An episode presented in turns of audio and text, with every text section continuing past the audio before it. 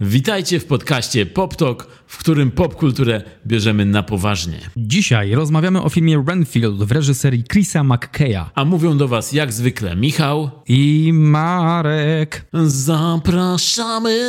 Intro.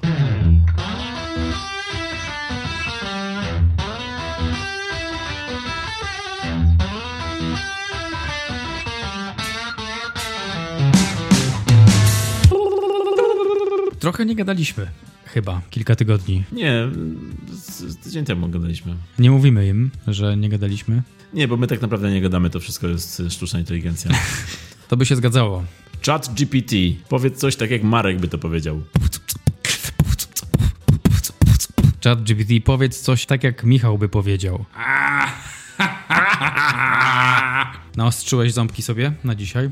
Mam naostrzone kły na naszego Nikolasa. Którego? Na, na dwóch Nikolasów. Yep. Right, right, Right? right. Nikwilas. Nikło... Sztuczna inteligencja nigdy nie wygra. They ain't got nothing on us. Słuchaj, bo dzisiaj rozmawiamy o wampirach, rozmawiamy o kłach, rozmawiamy o Nikolasach, a przecież, nie wiem czy słyszałeś, e, są plany, żeby ponownie zekranizować całą sagę. Wampirzą sagę. The Twilight? Zmierzch. Tak. O, super. Chyba- ziewałem. Było O, to słychać. Nice. To było słychać, tak. Yeah. Ale mm, nikt by tego nie, nie pomyślał, gdybyś tego nie powiedział właśnie. Mm, sorry. Ale ciekawe, czy wszyscy teraz, jak to usłyszeli, też zaczęli ziewać. Bo to jest zaraźliwe przecież. Myślę, że na pewno. Czy jeśli tego słuchaliście, to też wam się zachciało ziewać? Myślę, że mogło być nawet kilka wypadków. Myślę, że właśnie ludzie teraz śpią. Także obudźmy ich.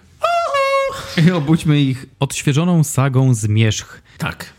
Oglądałeś kiedyś Zmierzch? Tak, oglądałem kiedyś Zmierzch. Jeden z y, filmów Guilty Pleasure. Wow. Pierwsza część uważam, że jest bardzo niedoceniona.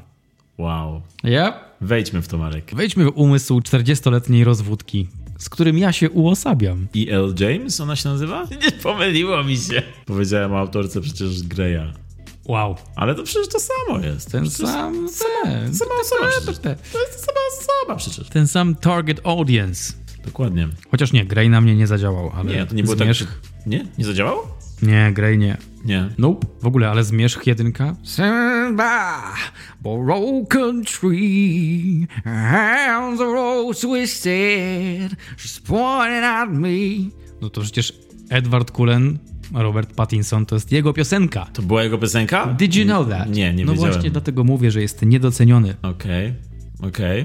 Czy uważasz, że po tej piosence powinienem docenić? To, to, Tak, już powinieneś zmienić ocenę na Filmwebie. Tak. Do it now. Już to robię, Marek. Zobacz. Pipu, pap, pap. Chat GPT, zmieńmy mi ocenę. A nie, to nie jest. Słuchaj, saga Zmierzch. Ja oglądałem też całą sagę, wyobraź sobie. Całą obejrzałem. To tym się różnimy, ponieważ ja całej nie obejrzałem. Wow. Obejrzałem dwie części. Jak zobaczyłem drugą, to zacząłem kichać z zażenowania i powróciłem do pierwszej jako guilty pleasure na seansę pod kocykiem, gdy pada deszcz. I zamiast obejrzeć 8 części tej sagi, czy tam ile ich jest, obejrzałeś 8 razy pierwszą część. Co najmniej. Lekko, leciutko. Na zmianę z Harrym Potterem. Wow. Jako filler. Można to tak właśnie obejrzeć część Harry Pottera i później jako kontynuację obejrzeć Zmierzch? Można wszystko. Łączy się to jakoś? No, przed czwartą częścią Harry'ego Pottera, w której pojawia się Cedric Diggory, czyli Robert Pattinson. Jak obejrzysz Zmierzch i potem obejrzysz Czarę Ognia, to obraz ci się uzupełnia. Już wiesz, czemu umiera Cedric Diggory. Spoiler. Może w odświeżonej serii Harry'ego Pottera na HBO Cedric nie umrze, bo też robią nowego Harry'ego Pottera. Zgadza się, czyli mamy dwa seriale nadchodzące na podstawie dobrze znanych serii klasycznych. No, wolę Harry'ego Pottera jednak dużo bardziej. Ale Zmierzch oglądałem cały, nie trafił do mnie. Zresztą ta autorka to przecież ta E.L. James i Stephanie Meyer to tam było powiązanie jakieś, nie? Bo to był chyba jakiś fan, fan Very fun. Obie rozwiedzione kobiety in her 40s. e, oba są fan, tak, oba są fan. Fun, fun, Fan, jak się nazywa to? Fan, fanpik, nie fanpik, tylko fan... To się nazywało jakoś fajnie. Fanfic. Fanfic. Fanfic. E, z- E.L. James zainspirowała się Zmierzchem i napisała e, serię jako fan, znaczy zaczęła, nie, nie serię, tylko napisała pierwszą część jako fanfic.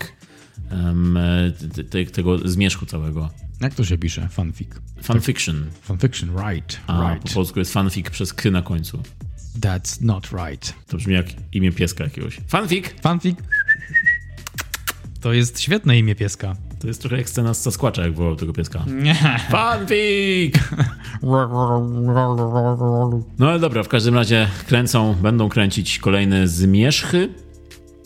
Być może was to zainteresuje, tak jak Marka. Ja nie jestem fanem serii, chociaż oglądałem całą, żeby wiedzieć, co się z czym je, ale no, Czemu mnie wrzucasz do worka fanów zmierzchu? To jest guilty pleasure. To jest coś takiego, co wiesz, że to jest troszkę złe, ale, ale bierzesz w tym udział. Co nie do końca jest dobre moralnie, ale robisz to, ponieważ masz w sobie element osoby, która akurat chce to zrobić. czyli to jest trochę jak nagrywanie tego podcastu. Wow. Także saga, e, tak, saga Zmierzchu, Harry Potter też powstaje nowy, ale o Harrym dzisiaj nie rozmawiamy, bo dzisiaj rozmawiamy o wampirach. O wampirach wysysających ludzką, bądź też nieludzką krew. Przy okazji dzisiejszego tytułu, który możecie obejrzeć w kinach, czyli film Renfield z Nicolasem Cage'em i Nicolasem Holtem. I resztą aktorów. Jest tam też Aquafina. A, Aquafina czy Aqua Fresh. Aquafreshina? That's racist. Jest dużo znanych komediowych mordek w filmie Renfield, filmie, który mm, pojawił się w 2023 roku w kinach, ale mamy też poprzednie wersje Renfieldów. Renfield to jest postać fikcyjna, która powstała bardzo, bardzo dawno temu, konkretnie w 1897 w książce pana Brama Stokera i od tamtej pory inspiruje twórców filmowych i nie tylko e, do tego, aby portretować tę postać za każdym razem w troszeczkę inny sposób. I ten sposób, który możemy aktualnie oglądać w kinach, to jest e, najbardziej niecodzienny, nietypowy sposób, myślę. Może w ogóle zacznijmy od e, tego, kim jest Renfield. Takim był człowiekiem, pół człowiekiem od zawsze, odkąd się pojawił. Tak, ale nie zawsze był sidekickiem, bo czasami był takim, taką postacią tragiczną, bo on był jednak w, uwięziony przez Drakulę. Yeah. Robił to, czego nie chciał przez całe swoje życie, a nawet dłużej, bo on żył i żył, tak jak Dracula. Dracula go zaczarował, zrzucił na niego urok, czy czar, czy cokolwiek. Czy czar? Czy czar, rzucił na, nie, rzucił na niego czyczara, Wow, mój poziom żartu. Wow. ale zobacz, że kontynuowałem to. Tak, tak, bo jesteś, jesteś dobrym. Jesteś dobrym partnerem do improwizacji po prostu. To świadczy o tobie bardzo dobrze. Ale myślę, że może ktoś doceni ten, ten, ten nasz, ten twój żart, który przerodził się w nasz. Ja. Myślę, że docenią to, że tak długo o tym mówimy. Myślę, że tak. Myślę, że mogli znowu zasnąć. Tak, tak mogli. Mogło się udzielić znowu. Świetny podcast. Dwa razy zasnąłem. Ja bym docenił taki podcast. No ale tak, e, Renfield, było wielu Renfieldów i ten klasyczny, najbardziej znany to jest jednak ten e, Renfield e, z 31 roku, z filmu Dracula z Belą Lugosi i tam Renfielda grał Dwight Fry. Identity theft is not a joke, Jim. Że Dwight, Że Dwight. Tak. że Dwight, myślałem, że Fry też. A, nie, nie. Tu wziąłem tylko jedną część tego słowa, żeby pasowało do mojego żartu. Again. Jeśli śpicie, to nie wiem, co powiedzieć. Nic nie powiem takiego, co sprawi, że się obudzicie. Aktualnie. Chyba, że damy tu jakiś bardzo głośny jingle. Także Dwight Fry jest tym Renfieldem, e, takim klasycznym i tym, do którego zresztą odwoływali się twórcy filmu Renfield. E, I sam Nicolas Cage e, wspominał Dwighta Fry'a wielokrotnie w, w, w materiałach dotyczących Renfielda. Mm, e, I zresztą też Cage i Holt zostali w Renfieldzie wklejeni cyfrowo w tą oryginalną, tą starą wersję z 1931 roku, starą wersję, wersję Drakuli. Są tam sceny, gdzie oni są cyfrowo wklejeni w stylu Foresta Gampa, w stylu Jurka Killera. Są wklejeni właśnie w te stare filmy. Myślę, że to jest styl Jurka Killera jednak, przeniesiony na zachód. Cały czas próbują tam e, zrobić tą amerykańską wersję Killera, ale nie udało im się, ale wzięli sobie ten motyw i używają go w najlepsze. Mm, mm, tak, tak, to od nas. Tak. Od nas. Tak. Chris McKay, reżyser, mówił You know what that needs? The famous killer thing. I ten e, drugi chyba najbardziej znany Renfield to jest e, wersja z 92 roku, czyli Bram Stoker's Dracula w reżyserii Francisa Forda Coppoli. Tylko jeszcze zanim pójdziesz w, rok 2058, to powiem, że był przecież jeszcze Nosferatu i tam był też Renfield. Prawdaż? Nosferatu, by the way, jeden z ulubionych filmów Nicolasa Cage'a. Ale mówisz o Nosferatu tym z 22 roku? Tak czytałem, że był tam Renfield, tylko że to było trochę ryzykowne, bo wtedy reżyser nie miał praw jeszcze do tej postaci. Bo tam on się nazywał inaczej. Ta postać, no, w ogóle te postacie, no to nie był, to by dlatego się nazywał Nosferatu i hrabia Orlok, bo nie był to Dracula, żeby to właśnie specjalnie, żeby nie, nie mieli praw i nie mogli użyć tego, mm, dlatego, dlatego zmienili nazwiska. Tak samo był agent nieruchomości, który oryginalnie jest Renfieldem, ale tutaj nazywał się Nock, grany przez Aleksandra Granacha. To ten właśnie, właśnie o nim mówię bardzo świadomie. Był jeszcze Klaus Kiński, Polak urodzony w wolnym mieście Danzig, ale zamieszkały w Niemczech. Człowiek, który był aktorem, był pisarzem, pisał bardzo chaotycznie i ale z sercem. Trochę można go porównać do niczego. No pun intended. Wow, porównać do niczego. Ucieszyłby się Klaus. Sorry, Klaus. Niestety skończył e, dosyć marnie, bo chorował. Może niezbyt pozytywnie jest zapamiętany, ale z roli Renfielda jest pamiętany. I ta wersja Renfielda, w której grał Klaus, to film z roku 70. Count Dracula w reżyserii Jezusa. Jesus Franco. Albo... Jesus Franco. Jesus Franco, not again. Tak, i e, co najlepsze, Klaus Kinski zagrał przecież też samego wampira Nosferatu w filmie Nosferatu Wampir z 79 roku. Damn. Także tylko 9 lat później i z Renfielda awansował na Drakulę, który w filmie był, nazywał się Nosferatu, bo to była jakby, to była jakby kolejna wersja filmu Nosferatu z 22 roku w reżyserii Wernera Herzoga. Y, klasyczny, legendarny film z kińskim jako Nosferatu. I tutaj mamy kolejne połączenie z dzisiejszym filmem, bo przecież po pierwsze e, Nicolas Cage jest wielkim fanem Nosferatu z 22 roku i Nosferatu z 79 roku, ale też zagrał u Herzoga w chyba 2016 bądź 2014 filmie Zły Porucznik 2. E, w filmie z bardzo hercogowskim i bardzo cage'owskim zarówno dobry, dobry, dobry tytuł, dobry film. E, także mam, wszystko nam się tutaj w jakiś sposób łączy. Kiński był aktorem Hercoga, jego stałym aktorem, z którym kochali się nienawidzić i nienawidzili się kochać, bo to był bardzo burzliwy związek i bardzo burzliwa współpraca. E, I Cage wydawałoby się, że mógłby być takim drugim chińskim, ale on jednak jest tylko chińskim na ekranie. Poza ekranem podobno jest bardzo, bardzo sympatycznym, miłym gościem. Poza ekranem jest milusińskim, nie takim chińskim. Wow, wow. No, widzisz, widzisz? Cztery dni, cztery dni obserwowania procesów w korporacji. And I still got it! Myślałem, że powiesz, że cztery dni nad tym myślałeś. Cztery dni nie myślałem. Teraz dopiero zaczynam. Czyli lepiej nie myśleć. No i później jeszcze, no, powiedzmy jeszcze, że w 92 roku był film Bram Stoker's Dracula w reżyserii Francisa Forda Coppoli, gdzie Renfielda grał nie kto inny jak Tom Waits. Tomasz czeka? Tomasz czeka. Oczywiście, oczywiście. Wpuśćcie go, wpuśćcie go, bo Tomasz czeka. Tom Waits, świetny muzyk dla mnie.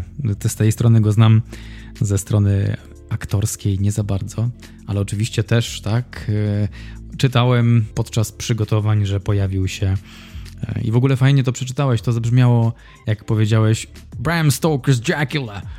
Zabrzmiało jak jakiś band. Tak to fajnie przeczytałeś, jakbym powiedział: Hej, Michał, mam dwa bilety na Bram Stoker's. Idziemy? To brzmiało nawet trochę jak Keanu Reeves w tym filmie, bo on tam gra Jonathana Harkera i on ma taki bardzo amerykański akcent i on tam do, do, mówi Hey Dracula!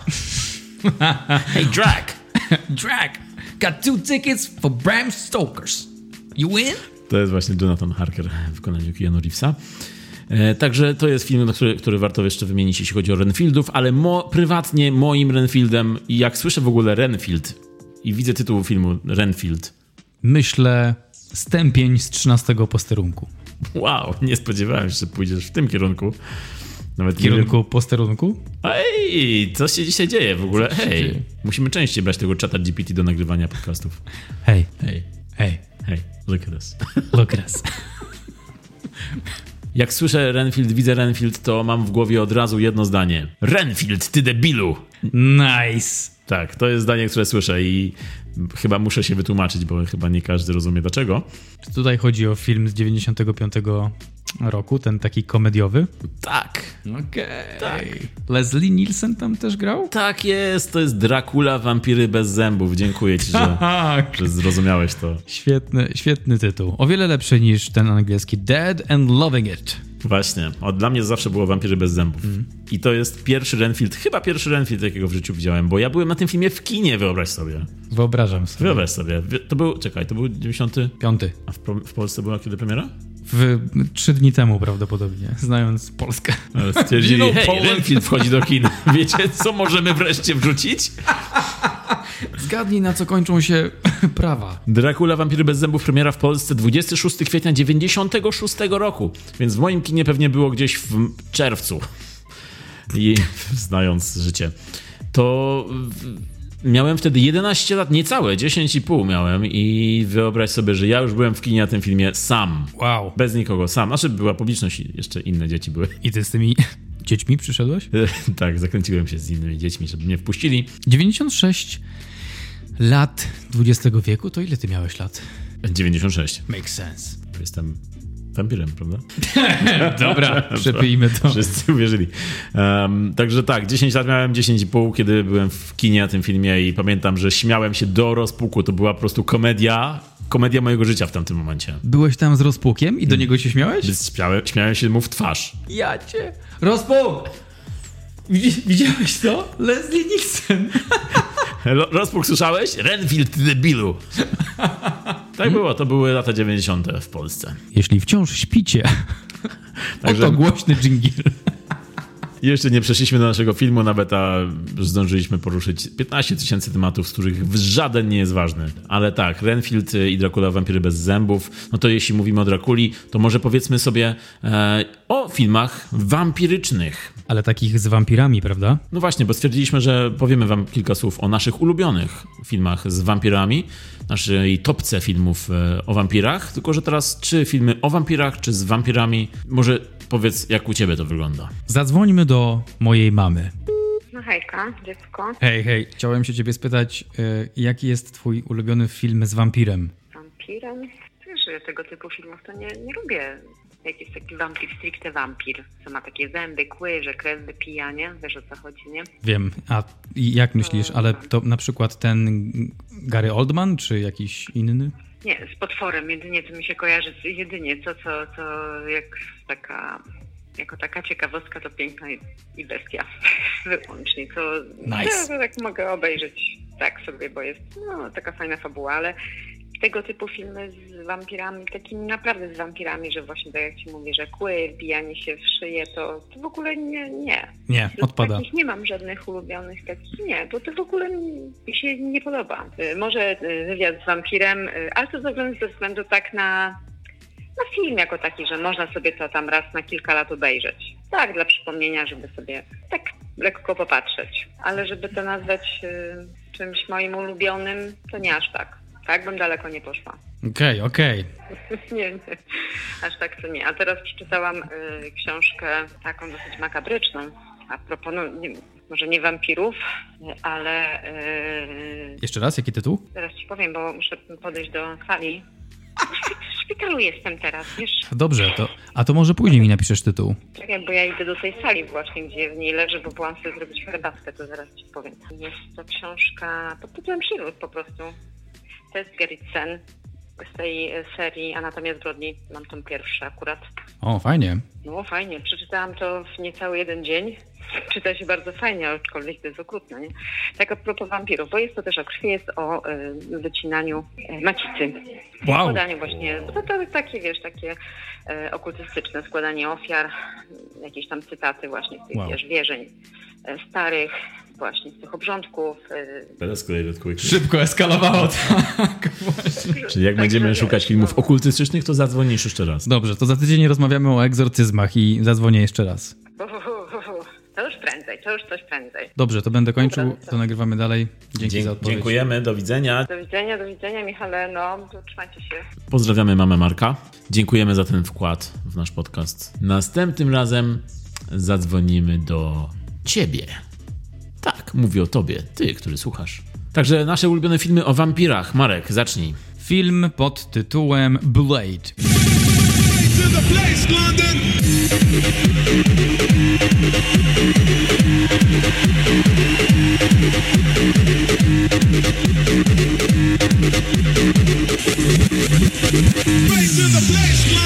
Znasz ten utwór? Znam. Pamiętasz z dyskoteki? Znam, oczywiście, że tak. Confusion? Operation Blade. Okej, bo tam były też ten... Dobra, pamiętam, który utwór, o którym mówisz, ale tak, Blade, Wieczny Łowca. Yes. I mówisz o pierwszej części. Ja mówię o pierwszej części. Okej, to ja powiem o drugiej części. Ale nikt nie powie o trzeciej części. Nikt nie powie już. Chyba, że mama. Poczekaj, zadzwonię do mamy. Mama, a Blade 3. Ale mówię tutaj o Wesley Snipes się. Wesley Snipes się. O, nie wiem, czy on by chciał słyszeć, że tak mówisz o nim. Chyba nie zrozumie. Wesley Snipes i Steven Dorff. Mówię o nich, bo Steven też był spoko. Podobał mi się. Mi też, bardzo. I Chris Christopherson też mi się bardzo podobał. O, Krzysztof Krzysztoferson? Po polsku byłby Krzysztof Krzysztoferski. Krzysztoferski Krzysztof. Wow. I Ale- Stefan Dorsz. I Wesley Ron. Władysław Schnaps. We gotta stop, man. Nie, to nigdzie nie idzie. I film Blade, przetłumaczony na polski jako Nie, naprawdę był przetłumaczony? Bladuś. Blady łowca. Nie, ale był, pamiętam, swojego czasu w telewizji, kiedy były, kiedy była wolna amerykanka, jeśli chodzi o tłumaczenie tytułów, to ten film leciał kiedyś z, z film, ten film leciał kiedyś z tłumaczeniem Nocny Marek. Nie. Naprawdę, Wow. naprawdę. Dlatego wiem, dlaczego to jest twój ulubiony film o wampirach. Mhm. To dlatego, dokładnie tak. Ale tam właśnie Wesley Snipes, Steven Dorff i Krzysztof Krzysztoferski, oni stanowili fantastyczne trio wampirskie. Wam, wampirzy, wampirerskie. Wamperskie. Wamperskie? Niekoniecznie. Wszystkie z powyższych. Bardzo mi się podobali oni jako wampiry. Zapamiętałem ich, wbili się w moją psychikę i to jest mój typ. A ty mówisz, że z Blade'ów. Bardziej jedynka czy dwójka? No, Blade to jest rzeczywiście film, to jest bardzo dobry, bardzo dobry wybór, bo rzeczywiście to jest film, do którego ostatnio wróciłem i nadal się go dobrze ogląda. Nice. jedynka. Do dwójki dawno nie wracałem, ale pamiętam, że swojego czasu bardziej mi się podobała dwójka w reżyserii Guillermo del Toro. Mm, tak, no właśnie. To był jeszcze czas, kiedy on tam miał problemy ze studiami. Nie mówię tutaj, że studiował, Poprawkę miał. wzywali go na poprawkę i nie mógł dokończyć, ale nie. E, Studio filmowe tam przyjmowało od niego film w trakcie. Nie dało mu zrobić tego, czego chciał, ale mnie Blade 2 bardzo się podobał. Z tym, że dawno do niego nie wracałem. To właśnie to jest ten problem. Musiałbym do niego wrócić. Także dobry wybór. Blade 1 i 2, dobry wybór. Jeśli o mnie chodzi, no to na początek powiem to, co już mówiłem wcześniej, czyli Dracula Brama Stokera. Bram Stoker's Dracula. Z 92 roku. Film, który oglądałem kilka razy i zawsze mi się go dobrze ogląda. To jest taka operowa wersja Drakuli, bardzo głośna, bardzo wizualna, taka, taka jak Coppola tylko potrafi. Czyli film większy niż życie, z świetnymi rolami. No, Gary Oldman jako Dracula i to jego, ten jego głos, te jego dialogi można cytować wielokrotnie. Nawet znamy jednego takiego, co lubi cytować Drakulę głosem Gary'ego Oldmana. I wychodzi to bardzo dobrze. Pozdrowienia dla Marcina. Także u mnie Dracula Brama Stokera jest na pewno w topce. U ciebie co dalej? Ech, u mnie co dalej, mój drogi towarzyszu, to jest Taika Waititi. Co robimy w ukryciu? Wampiry. Też miałem o nim wspomnieć w honorowych wzmiankach moich, bo, bo to jest komediowe ugryzienie tematu. Tak. You saw that, did you? Yeah. Pun intended. Yeah. Bardzo intended.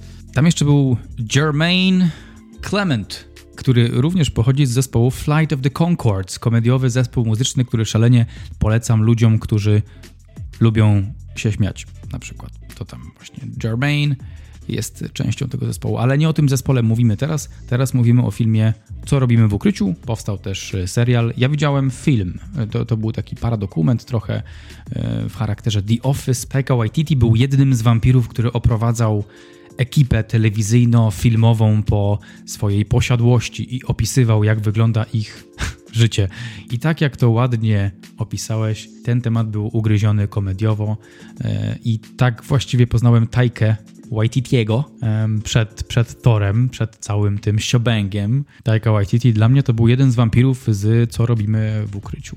Tak, Taika Waititi e, dla mnie to chyba też był pierwszy, pierwszy kontakt z nim i bardzo dobry film. Bardzo zabawna komedia, może tak. Yeah.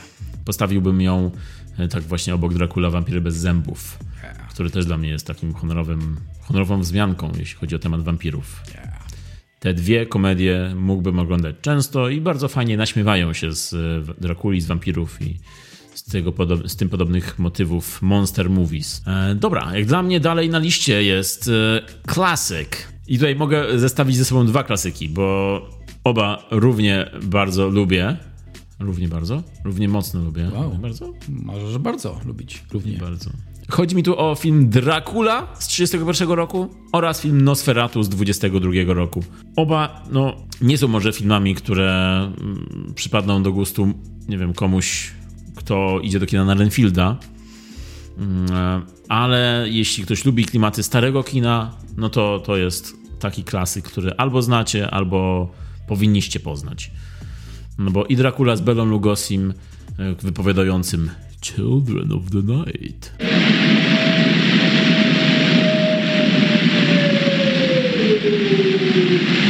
Listen to them. Children of the night. I Nosferatu z Maxem Schreckiem, film niemy i film z człowiekiem aktorem, który od tej pory... Człowiek aktor. Człowiek słoń i człowiek aktor.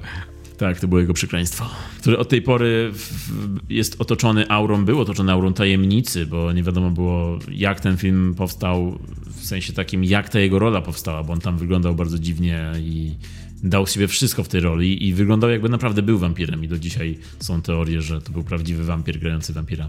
I do dzisiaj żyje i ludzie nie wiedzą, czemu tak długo żyje. I zaczynają podejrzewać coś. Coś tam jest nie tak. I jeszcze to, że się nazywa Max Schreck. On cały czas mówi, że to yoga, ale wszyscy myślą, że to pilates. Tak jest. On cały czas mówi, że to czerwony martini, ale nikt mu nie wierzy już. Także Dracula i Nosferatu i później był jeszcze też Dracula z 58 roku z Christopherem Lee, e, wersja studia Hammer, e, wersja też klasyczna w reżyserii Toda Browninga. No to są takie trzy tytuły, które fani wampirów i Drakuli powinni znać, ale pewnie już znają. Dobre typy, Michał Miller. Dobre typy, zgadzam się z nimi.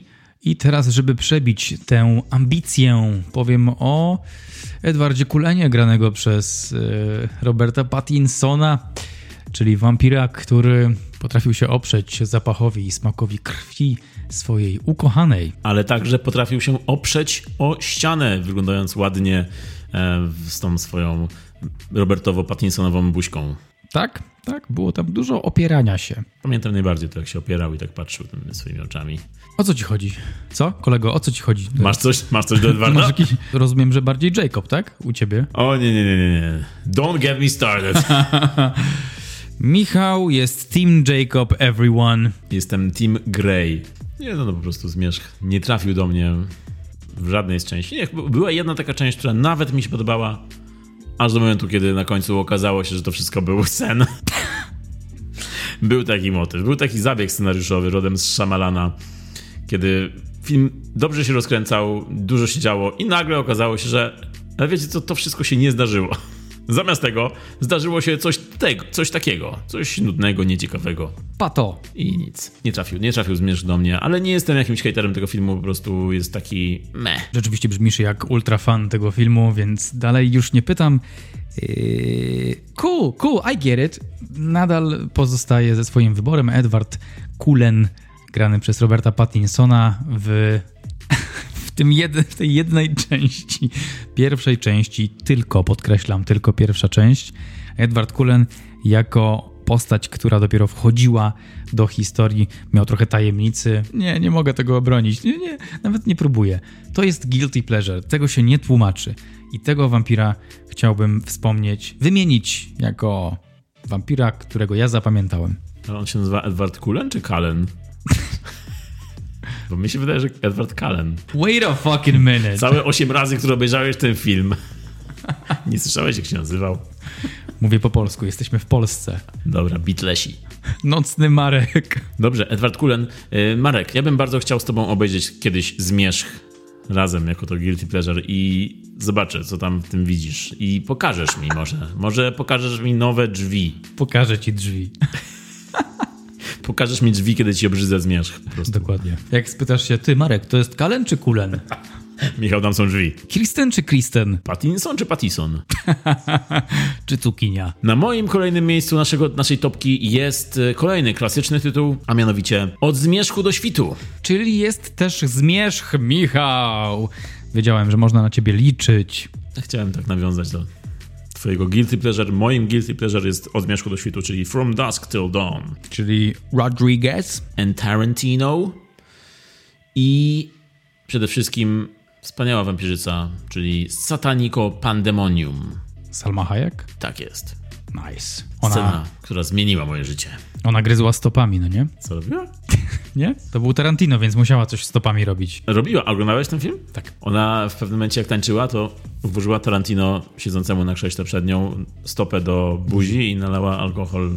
Po stopie mu się lał alkohol do jego buzi. Także było to. Był to, myślę, że nie tylko moment, kiedy zmieniło się moje życie, ale też życie Tarantino się zmieniło w tym momencie, coś czuję. Za każdym dublem mu się zmieniało życie. Tak jest. Spełnił swoje największe marzenie, a ja później to obejrzałem z kasety z wypożyczalni i pamiętam do dzisiaj ten szok, który przeżyłem, kiedy w połowie film zmienił się w film o wampirach. Ja w ogóle nie miałem pojęcia, że to się stanie. Dla mnie to był film gangsterski. O, fajnie, fajnie, ale fajne, fajne rzeczy się dzieją. I później nagle wchodzą wampiry i po prostu wszyscy w mojej rodzinie tego dnia w tym domu. What? Michał, ty nie powinieneś tego oglądać. Nie wiem właściwie czemu ja to oglądałem wtedy, bo rzeczywiście nie powinienem był tego oglądać, ale dzięki temu jestem tym, kim jestem dzisiaj. Także no regrets. Nie byłbym sobą, gdybym był kimś innym. Marek, twój kolejny wybór. Czy to jest? Czekaj, czekaj. To był mój ostatni wybór, Michał. Ostatni wybór, dobrze. Mhm. Mam jeszcze jedną rzecz w głowie, ale chciałbym ją zostawić na późniejszą część nagrania. To ja powiem jeszcze tylko od siebie, że na pewno na mojej liście jest jeszcze film Postrach Nocy. Fright Night z 85 roku. Bardzo, bardzo fajny film e, wampiryczno-komediowo-horrorowo-młodzieżowy też, który miał swój remake z Colinem Farrellem. Ale także są Lost Boys z 87 film z klasyczną sceną z saksofonem i w ogóle z klasycznym soundtrackiem i z rolą Kiefera Sutherlanda zresztą w tym filmie. Jest jeszcze film Pozwól mi wejść z 2008 roku. Let the Right One In, oryginał. Film szwedzki, który też miał swój amerykański re- remake kilka lat później. E, świetny, świetny film. No i jeszcze też jeden nietypowy może wybór, ale taki, który chciałem zaznaczyć, bo jest to film Afflicted, czyli Dotknięcie Mroku z 2013 roku i Dotknięcie Mroku z 2013 roku. Film, który być może nie był widziany przez wielu, ale jeśli go nie widzieliście, a lubicie tematy wa- wampiryczne, to go polecam, bo jest to film o nie do końca wampirach. Są to wampiry, ale nigdy to nie jest zaadresowane i jest to film robiony jako found footage. Nakręcony bardzo sprawnie, mm, z bardzo fajnymi zabiegami e, połączenia filmu wampirycznego z filmem trochę parkurowym, bo tam jest trochę parkuru, trochę taka 13 dzielnica z Drakulą połączona. To tyle. Wampir i parkour. Wow. Wampur. Wampur! Przechodzimy do filmu dzisiejszego, filmu pod tytułem Renfield. Wiesz, że wyszedł w 2023 roku Renfield? Gdzie wyszedł? Najnowszy. wyszedł po ofiary dla swojego pana, dla Drakuli. Ej, a w ogóle to, jeśli chodzi o Drakulę i o filmy o Drakuli, to wiesz, że są jeszcze też wersje takie jak Blackula? Tak, tak, słyszałem. Bardzo fajny film. Nie niskobudżetowy, ale taki czarnoskóry Dracula. I jeszcze, jeśli jesteśmy już przy tych klimatach, no to jest jeszcze Kaczula. Tak, tak. Oglądałeś Kaczulę? Niestety jesteśmy przy tych klimatach. Ja nie wiem, nie do końca chcę tam być, ale jesteśmy. Kaczula to przecież był, to była bajka z e, Donald Duck. To nie był Donald, ale to była kaczka. To jest rzeczywiście podobna, podobna do Donalda, to był po prostu jakiś inny kaczor. Hrabia Kaczula, bajka, za którą szalałem w dzieciństwie. Ale to był Disney jakiś. Nie, to nie był chyba Disney. Fuck man! Sprawdźmy to w tym Give momencie. me at least one! Kaczula. Sprawdzam. Hrabia Kaczula, animacja 4 sezony. Wielka Brytania, to nie był Disney. Count Dracula. Jeśli też to pamiętacie, jeśli też oglądaliście, no to wysyłam wam podcastową piąteczkę. Dużo różnych rodzajów Drakuli dzisiaj wymieniliśmy, łącznie z naszymi ulubionymi. A, właściwie to tylko ulubionymi. A teraz przechodzimy do tego jedynego Drakuli i Renfielda, o którym dzisiaj umówiliśmy się, żeby porozmawiać, czyli Renfielda z roku 2023 z Nicolasami, Nicolasem Cage'em i Nicolasem Holtem, i Aquafiną, i Benem Schwartzem, i resztą ekipy. Zapraszamy serdecznie. Podobał Ci się? Czy mi się podobał Renfield? Dobrze się bawiłem w kinie, a ty? Jest to film, na którym można się naprawdę dobrze pobawić, pochrupać popcorn, pooglądać przede wszystkim gwiazdę tego filmu, czyli Nicolasa Cage'a w akcji, bo jego zawsze dobrze widzieć, ale tutaj Nicolas Cage gra drugie skrzypce, no bo on jest tylko drugoplanowym Drakulą. Tak, teraz patrzymy na Drakulę oczami Renfielda, czyli jego pomocnika slash niewolnika, powolnika. Powolnik? Powolniak? Powolniak. E, Film przedstawia życie Drakuli, tak, um, i Renfielda, ale bardziej tego Renfielda, który uświadamia sobie, że tkwi w toksycznej relacji ze swoim panem, czyli z Drakulą, czyli z Nicolasem Cage'em i e, Renfield jest też narratorem i on nam opowiada, co się dzieje w jego życiu. Jemu towarzyszymy e, i jemu kibicujemy, gdy stawia te odważne kroki na drodze do odseparowania się od takiej niezdrowej współzależności z narcystycznym Drakulą, którego gra Nicolas Cage. I to chyba było dosyć oryginalne podejście. Nie wiem, czy to wcześniej się pojawiało. Raczej Dracula był tym głównym złolem, a Renfield był tym nie do końca przekonanym pomocnikiem, który załatwiał Drakuli ofiary. W tym filmie jest podobnie, tylko po pierwsze mamy bloody gore, dużo krwi bardzo jest, bardzo jest przesadzony i over the top ten film i jest też to komedia. I nawet jeszcze jest tutaj trochę kina akcji w międzyczasie. I jeszcze trochę romansów rzucili. Także jest tutaj sporo. Jest tutaj sporo gatunków. Nie spodziewałem się, że w tym filmie będzie tak dużo. Nie zawsze to, że dużo, znaczy, że dobrze. E, Podobnie tutaj może niektóre rzeczy to jest już za dużo. Chociażby romans trochę tutaj nie gra. Ale no, kiedy film jest komedią, no to naprawdę bawi, bo jest tutaj kilka gagów czy tekstów, które, które rozśmieszyły mnie. E, ciebie też rozśmieszyły i, i publiczność.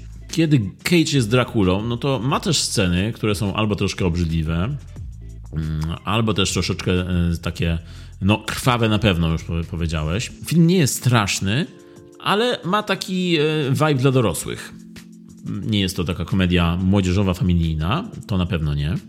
To samo to, że Renfield stara się tutaj uwolnić właśnie z tego toksycznego związku i są sceny, kiedy on chodzi na spotkania mm, z innymi, którzy też próbują się uwolnić, czy ma- mają inne problemy i on próbuje też się wygadać na tej terapii, na tej grupowej terapii.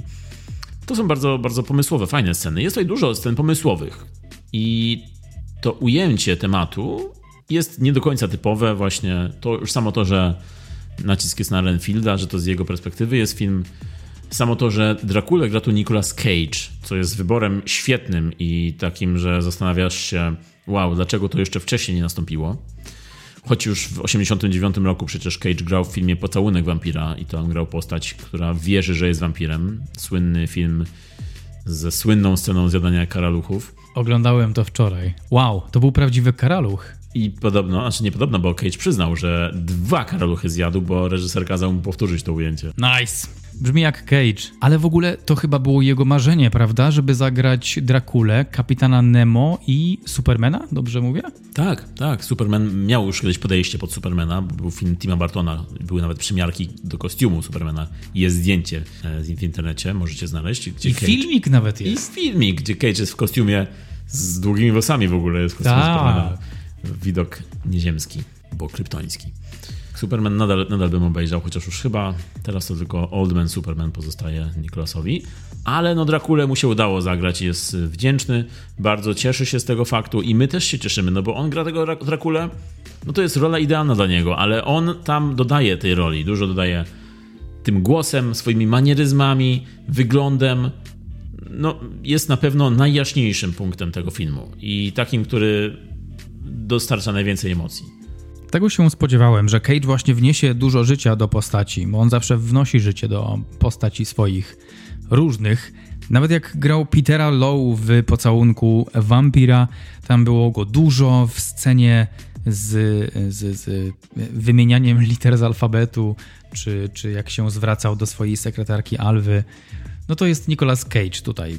To jest po prostu on. I tak też zrobił z kolejnym Drakulą, który, którego zawsze chciał grać. E, I każda scena z nim to był koncert. To było takie fajne, tak go zobaczyć w tym. E, on, on jak się pojawiał jako Dracula, to czasem nawet przysłaniał inne postaci, innych aktorów. Bardzo wyraźnie to było widać, jak, jak różnią się te ich występy, te, te ich interp interpretacje swoich postaci. Także Mikołaj Klatka jak zawsze dowodzi, dowiózł teraz też. Tak, no Cage jest słynny z tego, że dostarcza zawsze i jest takie zdanie, cytat z niego. Po angielsku w oryginale jest to Anything that's worth doing is worth overdoing. Nice! No, czyli wszystko, co warto e, zrobić, warto też zrobić tysiąc razy mocniej, można tak. E, To jest dobry tekst na tatuaż. To jest dobry tekst Na tatuaż. przedramieniu. Tak. Tylko Bóg może mnie osądzać, a na drugiej Nicolas Cage. Nicolas Cage. Także rzeczywiście on bardzo się zawsze przykłada do tych ról i zawsze wymyśla swoją postać na tyle, że każda z tych postaci jest w jakiś sposób inna, każda ma swoje naleciałości. Tak samo jest też tutaj e, po prostu on chce e, dostarczyć jak najlepszej rozrywki, jak najlepszego, jak najlepszej jakości swoim widzom i za to mu chwała. No, już powiedzieliśmy wcześniej, że on jest wielkim fanem Nosferatu i wielkim fanem Maxa Schreka, bo to było dla niego formujące doświadczenie. I w ogóle niemiecki ekspresjonizm był dla niego formujący, dlatego też właśnie Pocałunek Wampira i jego rola tam, no, ona była trochę taka właśnie ekspresjonistyczna, nawet bardzo. I Cage już kiedyś, już od wielu, wielu lat chciał grać Maxa Schreka w filmie o tym aktorze i swojego czasu powstał film Cień Wampira, w którym niestety Cage nie mógł zagrać i oddał swoją rolę Willemowi Defoe, który zresztą zagrał rewelacyjnie Shreka. No ale właśnie Dracula, którego gra tutaj mm, Cage mówi, że inspirował się w tej roli zestawem postaci. Miał, miał wiele inspiracji, ale przede wszystkim jest to Christopher Lee z filmów Hammera z Drakulą. A kiedy już szedł tropem Christophera Lee, to twierdzi, że Christopher Lee zawsze przypominał mu jego ojca, więc też poszedł tym tropem i inspirował się swoim własnym ojcem, e, Nicolas Cage w tej roli. E, Ponieważ wymyślając głos postaci Drakuli, e, mówi, że użył właśnie tego głosu, jaki też miał jego ojciec, bo jego ojciec był em, profesorem, wykładał literaturę i miał dostojny bardzo głos, taki wymyślony przez siebie, trochę też taki teatralny, aktorski. I Cage właśnie wykorzystał ten głos jego ojca w budowaniu tej postaci. Ale oprócz tego też e, Cage twierdzi, że ten film i ta postać to jest trochę takie uzależnienie, no bo jak to wampir jest uzależniony od, uzależniony od krwi, tak samo może to być synonim, synonimem uzależnienia z czymkolwiek innym i dlatego wziął też trochę z Anne Bancroft, grającej w filmie Absolvent, czyli tej słynnej Mrs. Robinson, słynnej pani Robinson i też trochę nuty tej Anne Bancroft w jego roli użył. To jest bardzo ciekawy zestaw inspiracji. Zawsze mnie to fascynuje, jak z takich różnych rzeczy z różnych światów tworzy właśnie coś, coś, coś nowego. No i on tutaj stworzył coś pięknego, bo jest na przykład scena, w której on rozmawia z Renfieldem i przez tą rozmowę on, wiadomo, że jest toksycznym, tym toksycznym Mścicielem. mścicielem, którego zagrał równocześnie w remake'u filmu Toksyczny Mściciel. Nie, nie, nie, nie. Ale jest tą toksyczną stroną e, tej rozmowy i, i te jego tyrady, kiedy on e, najeżdża na Renfielda i robi to w taki przemyślany sposób. One są jednocześnie zabawne, ale jednocześnie takie niepokojące. Tak, pamiętasz tę scenę w mieszkaniu Renfielda, jak sobie gadali? Wow, tak, tak toksyczny człowiek, ale jednocześnie tak zabawnie to wyszło. I jeszcze właśnie ten jego sposób mówienia, te jego gestykulacje i, i te, z tymi zębami zwłaszcza i z tym jego uśmiechem, no coś pięknego. Po prostu ta scena to jest coś pięknego, o której mówisz. Tak, to jest w ogóle jedna z moich ulubionych scen i bardzo mi się podobały Po pierwsze te zęby, jego charakteryzacja, te zęby świetnie wyglądały, e, ale, ale po drugie właśnie to, właśnie ta interakcja, sposób wymiany. To było coś bardzo komediowego. Tak, mimo że to jest temat taki poważny trochę tu wrzucony, bo jest to taki trochę gaslighting z jego strony, postaci Renfielda i Renfield się musi, e, musi z tym walczyć. To jest szlachetnym tematem i fajnie, że ten temat został poruszony. Oczywiście to nie jest jakoś zgłębione, tylko to jest jako tło. Ale powiedziałeś też o zębach. E, Fun fact. Ja? Ciekawostka jest taka, że To są jego zęby i sobie tak przypiłował. to by brzmiało jak Nicolas Cage. To wcale by mnie nie zdziwiło, bo już on przecież kiedyś grając w filmie Ptasiek też sobie wyrwał cztery zęby, chyba żeby, żeby jego szczęka i twarz wyglądały inaczej. Swoją drogą mieliśmy niedawno dosyć ciekawą rozmowę o zębach, której efektów posłuchacie niedługo, e, prawdopodobnie we wrześniu. Obserwujcie nas, jeśli chcecie wiedzieć więcej o zębach. To, to były, niestety to były sztuczne, porcelanowe zęby, które Cage miał na sobie. Ale Mm, Cage mówi, że były dosyć inwazyjne, trochę bolało go noszenie tej szczęki, nie dziwię się, bo wygląda bardzo realistycznie i, i, i strasznie. Ale ciekawostka jest taka, że Cage stwierdził, że przyłoży się tak mocno tej roli, że będzie nosił też te zęby po zakończeniu zdjęć. I przez czas trwania tego filmu, kiedy wracał do hotelu, nosił te zęby cały czas w ustach. No pewnie nie cały czas, bo musiał myć zęby też, więc pewnie musiał je wyjmować, ale Method acting? tak, tak. Cage jest też słynny z tego, że lubi wchodzić dogłębnie, dogłębnie w rolę. Ale oprócz zębów też make-up, bo tam było kilka scen, zwłaszcza na początku filmu, kiedy make-up Nicolasa Cage'a wyglądał obłędnie. Pamiętasz te sceny? Pamiętam, jak dochodził do siebie i musiał. i miał na sobie wiszące kawałki skóry swojej. Ten, y, ta charakteryzacja była naprawdę bardzo fajna. To był spalony Dracula, bo na początku filmu płonie e, z, przez, z, Ze wstydu. Też, ale też dlatego, że ktoś zdejmuje zasłonę i wpada światło słoneczne. I on płonie i później przez część filmu musi dochodzić do siebie i dlatego musi dostawać świeżą krew. No i ten makijaż, ten make-up jest, jest świetny. To jest, jak Cage nazywa, to jest Picasso look.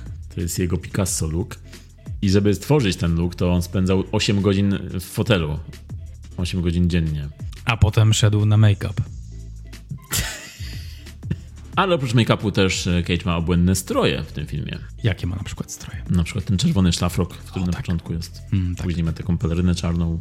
Dobrze wygląda Cage, ogólnie dobrze bardzo wygląda w tym filmie, ale tutaj też bym się pochylił nad y, Holtem, bo on też fajnie wygląda, zarówno w tej pierwszej części filmu, jak jest takim obdrapańcem znalezionym na ulicy, jak i w tej drugiej części filmu, w której pokazuje się z zupełnie innej, tej bardziej kolorowej strony. Tak, przypominał mi, jak, jak był taki blady i ta pierwsza połowa filmu, przypominał mi jego własną rolę z filmu Warm Bodies, film o zombie, w którym on grał zombiaka, który nie mówił i, i zakochał się w, jak to zombie zakochywał się w dziewczynie.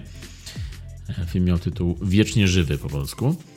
I on tam, to była je- jego jedna z takich pierwszych dużych ról, gdzie on dał o sobie znać, e, po prostu był rozpoznawalny po tym.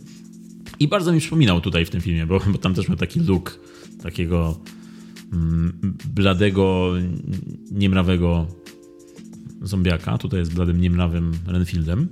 Ale tak, zagrał bardzo, bardzo dobrze. Rzeczywiście poradził sobie w głównej roli, udźwignął ten film do spółki z Cage'em, ale z Cage'em też ma coś wspólnego, bo też na planie jadł owady. Słyszałeś o tym? Nie, nie, nie, nie.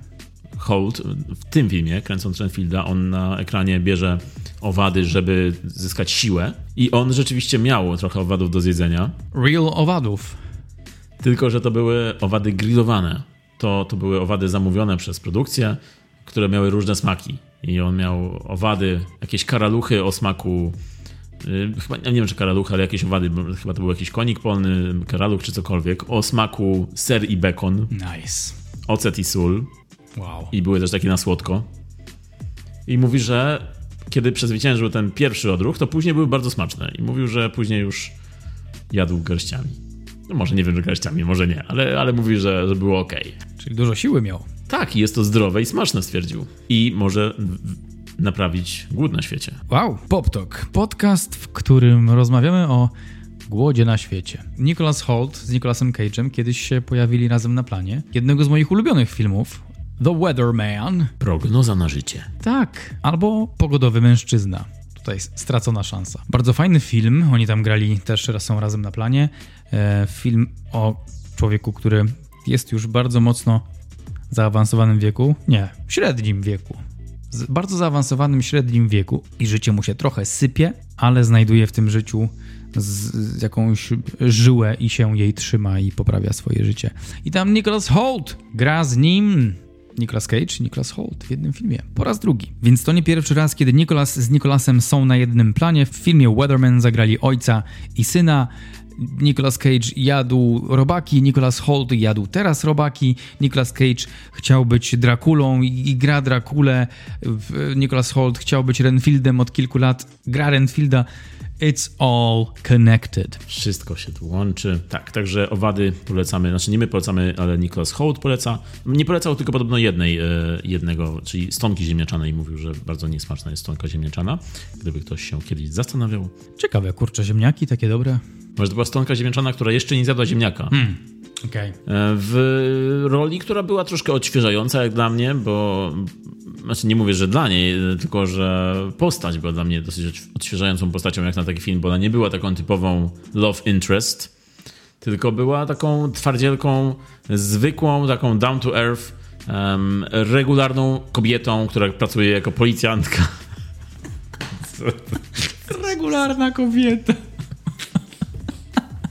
Od poniedziałku do piątku jestem regularną kobietą i robię to regularnie.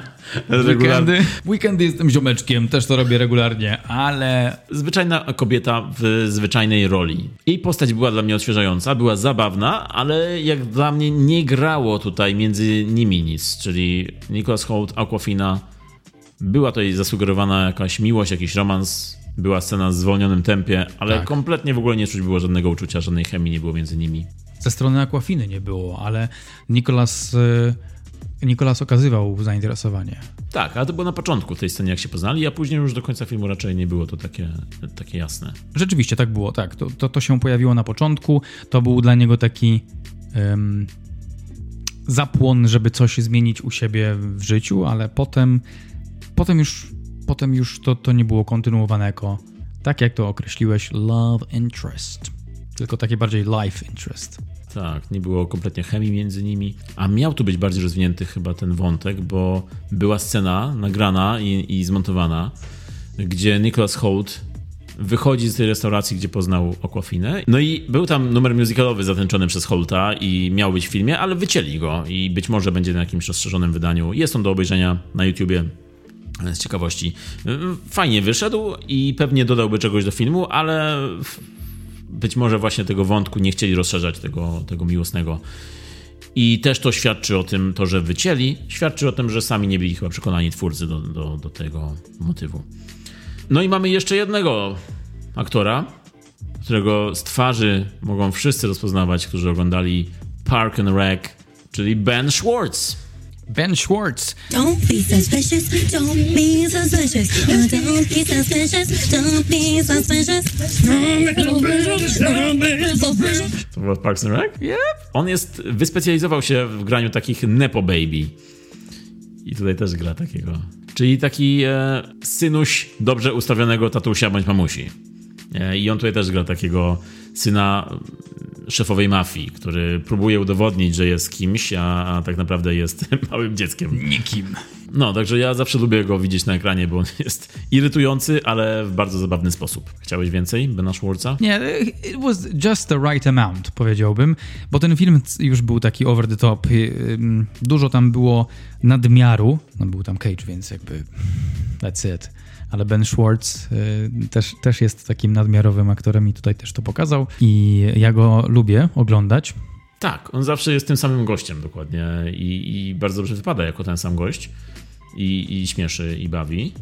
Pewnie to się kiedyś przeje już i kiedyś musi zmienić swoje zachowanie.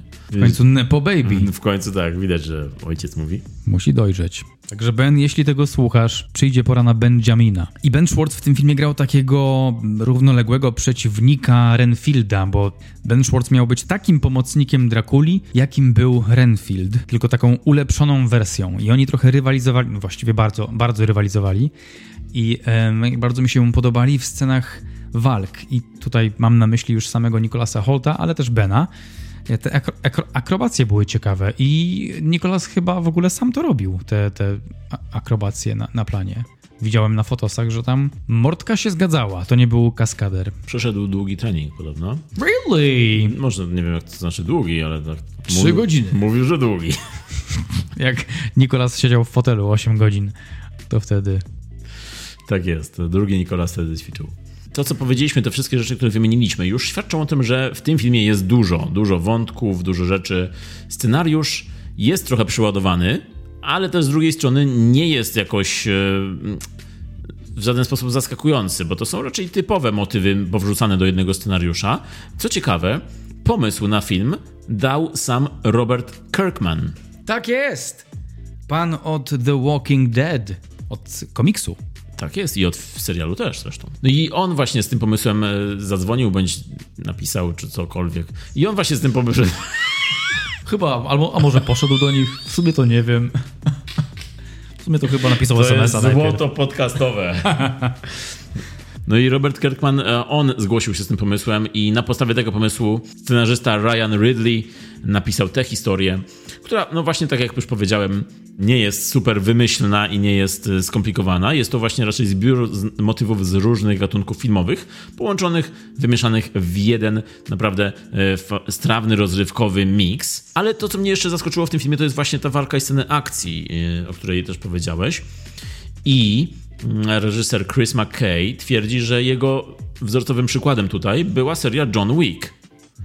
I troszeczkę nawet oglądając ten film, zanim to usłyszałem, czułem właśnie taki vibe, że, że przykładają się do sceny akcji naprawdę dobrze, tak jak właśnie twórcy Johna Wicka się przyłożyli.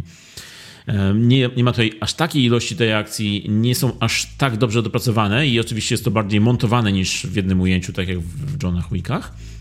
Ale ta akcja wygląda dobrze i, i przypominały mi się właśnie filmy z Keanu, przypominało mi się trochę kino z Jackiem Chanem, e, także to było fajne urozmaicenie i, i to był ten dobry grzybek w barszcz, taki smaczny całkiem. I budowanie tego świata Renfielda i świata Drakuli, świata gangsterskiego, e, tutaj też Chris McKay troszkę się inspirował światem Johna Wicka, czyli chciał troszkę zbudować coś, coś nowego, coś coś nowego z czegoś starego. A, a propos walk, podobała Ci się jakaś tak najbardziej scena walki? Najbardziej chyba w mieszkaniu Aquafiny, obok mieszkania i na tej takiej klatce schodowej powiedziałbym. Tak chcę powiedzieć, ale nie, do końca. To jest takie wewnętrzne osiedle, trochę, nie wiem. No, taka rzeczywiście, takie patio. To tam mi się najbardziej podobało, bo było z największym... Chociaż jeszcze ta scena w barze, czyli ta pierwsza scena akcji była super. Nie, druga. Nie, to była druga.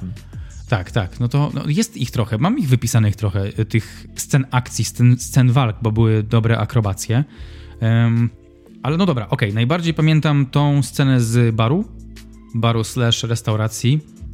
Whatevs. A na drugim miejscu na tym patio, jak się biją, bo był taki najfajniejszy, najfajniejszy moment wyczekiwania napłynięcia tych mocy u Renfielda. Bardzo, bardzo fajnie to było. I tam była też scena, kiedy jednemu z tych gangsterów Renfield oderwał ręce i tymi rękami nawalał jak nunchakiem. To był taki moment Renkfield.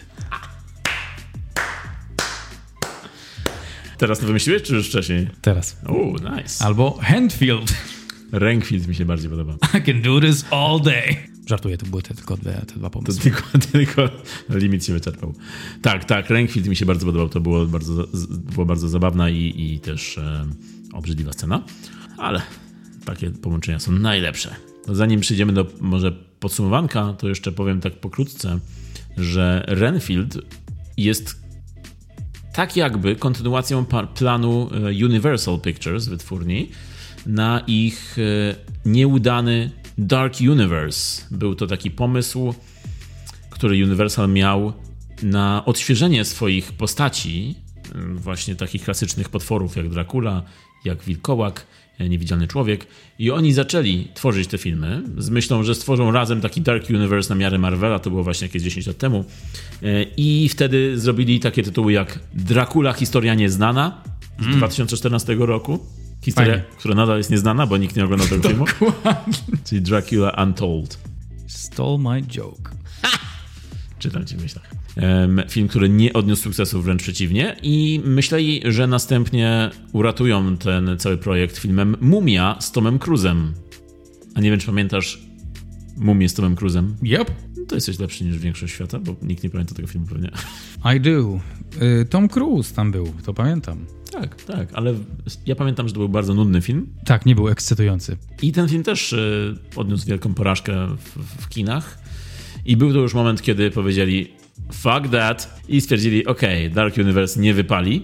Mimo, że oni już w tych dwóch filmach zarysowali losy kolejnych postaci i kolejne sylwetki, które miały pow- powracać w kolejnych tytułach, no to stwierdzili nagle, ok, koniec tego. Wszyscy troszkę zawiesili psy na tym e, całym cyklu, bo to nie wychodziło. No i kilka lat e, później już nie był to oficjalnie Dark Universe, ale powrócił Niewidzialny Człowiek i ten film akurat bardzo dobrze wyszedł z Elizabeth Moss.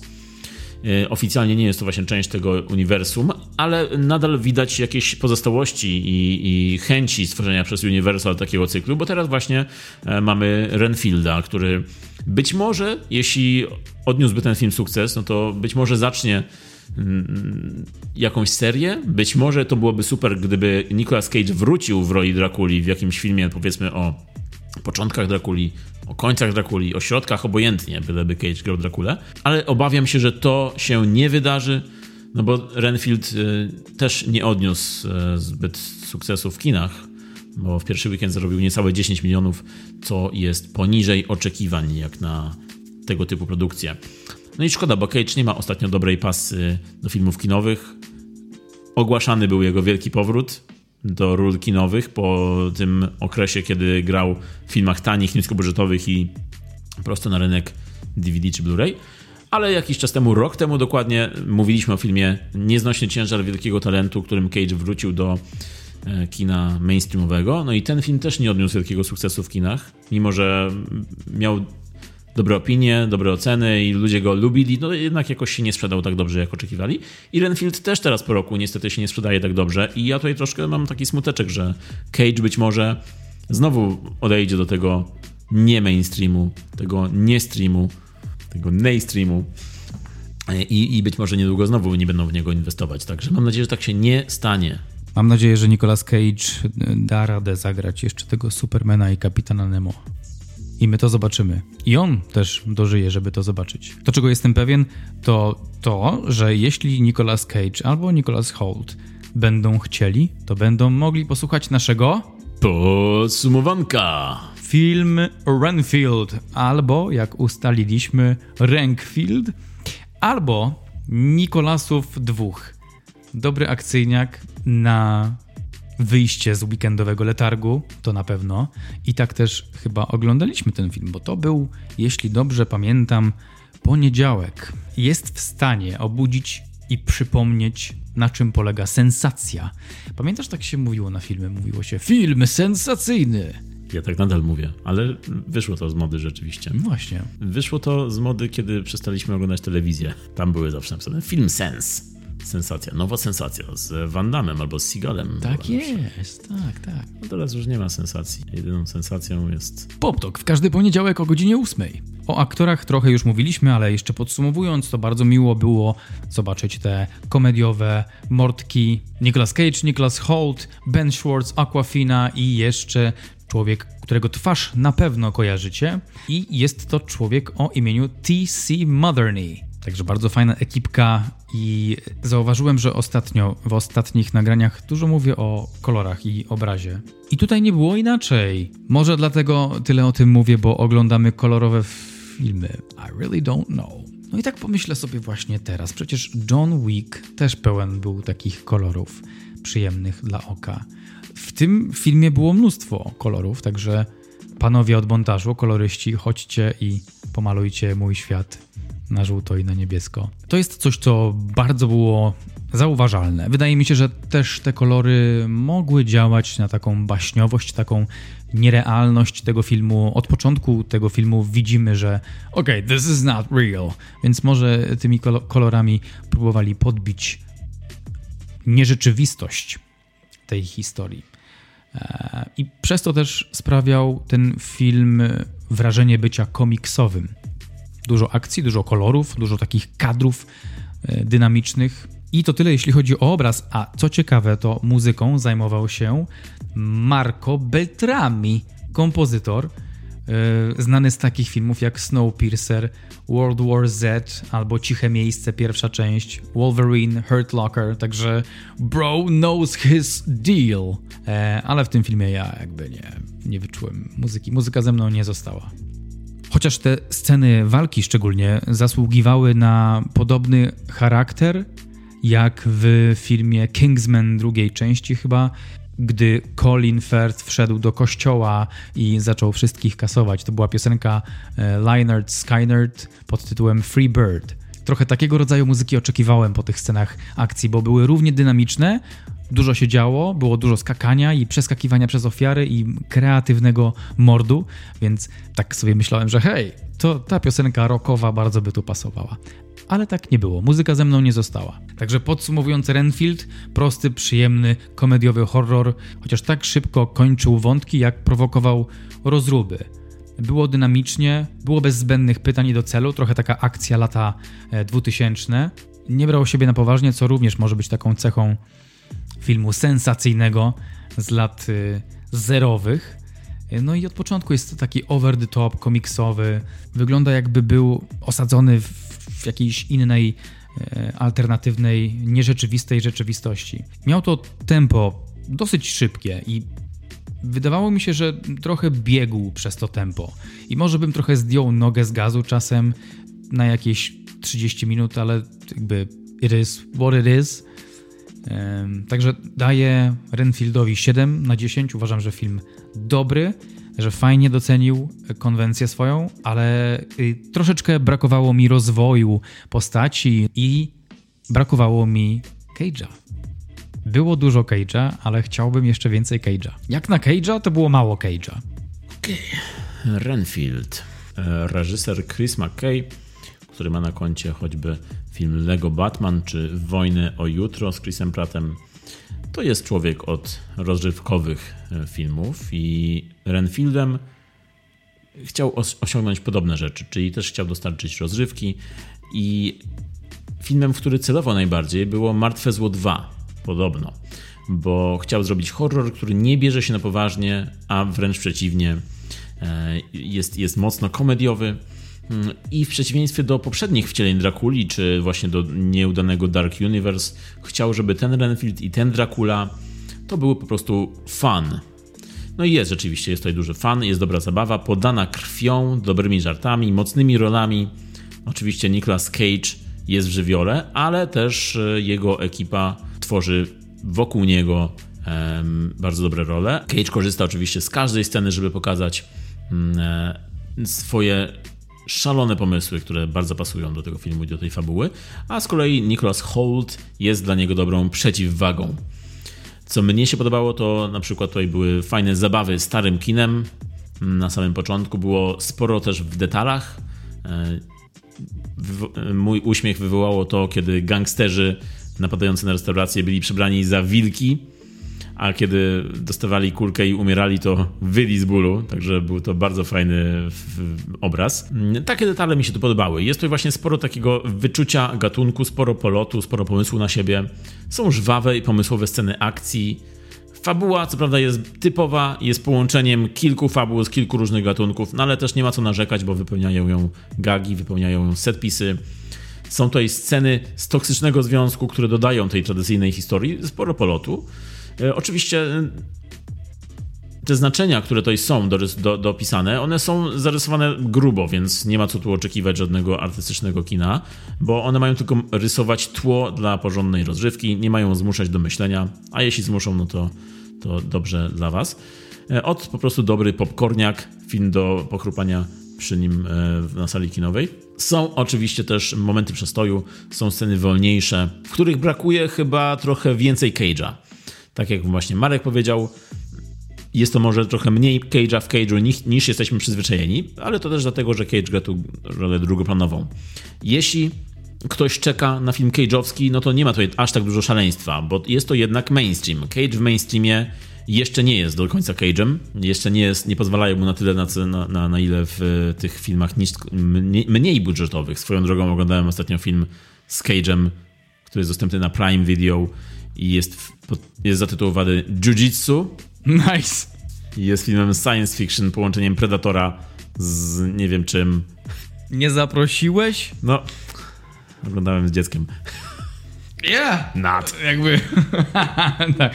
Robciu chciał zobaczyć. Tak. Kolega pytał. Tak, Nicolas Cage gra tam w ogóle jakiegoś gościa jak z Mortal Kombat, który bije się przez mm, jedną trzecią filmu. E, I w ogóle tam się cały czas biją w tym filmie i polecam ci, bo ten film jest bardzo, bardzo zły. Dobre walki są tam czasami.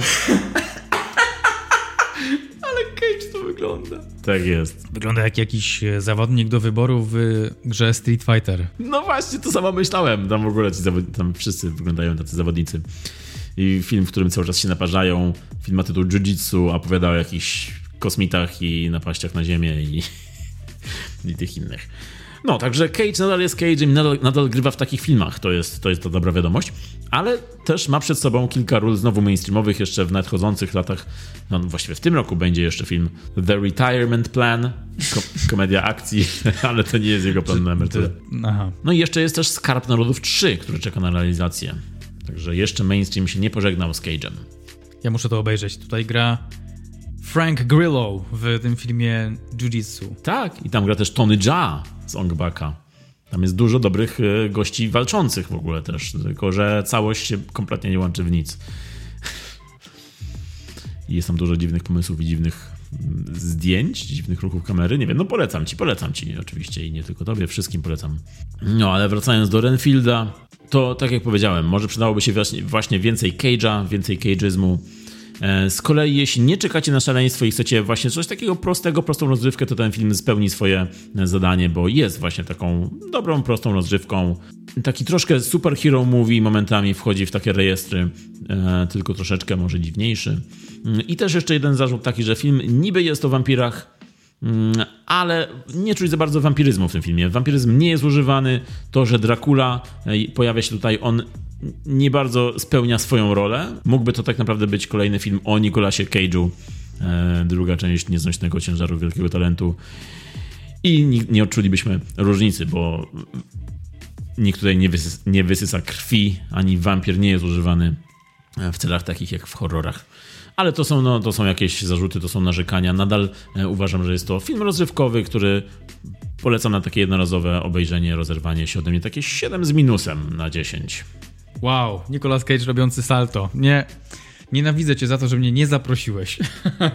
Tymczasowo cię nienawidzę. Możemy obejrzeć jeszcze raz ten, znaczy ja mogę obejrzeć jeszcze raz ten film bardzo chętnie. Dobra, pora kończyć. To była świetna przygoda. Dzisiejsza przygoda Cage'owska i Holtowska. Dużo krwi upłynęło. Ale nam nie jest słabo, bo o Cage'u i o Holcie możemy rozmawiać wiele, wiele godzin. Ale to tyle na dzisiaj. Bardzo, bardzo Wam dziękujemy za to, że słuchaliście. Dziękujemy, że jesteście z nami. Polecamy się na przyszłość. Wiecie, gdzie nas znaleźć e, i Mam nadzieję, że nie tak dobrze wiecie. adres Marka znajdziecie w, kom w komentarzach. Mówili do Was jak zwykle Michał Miller. i Marek Szczepański. Do zobaczenia, usłyszenia w następnym. Cześć. I po ptokach.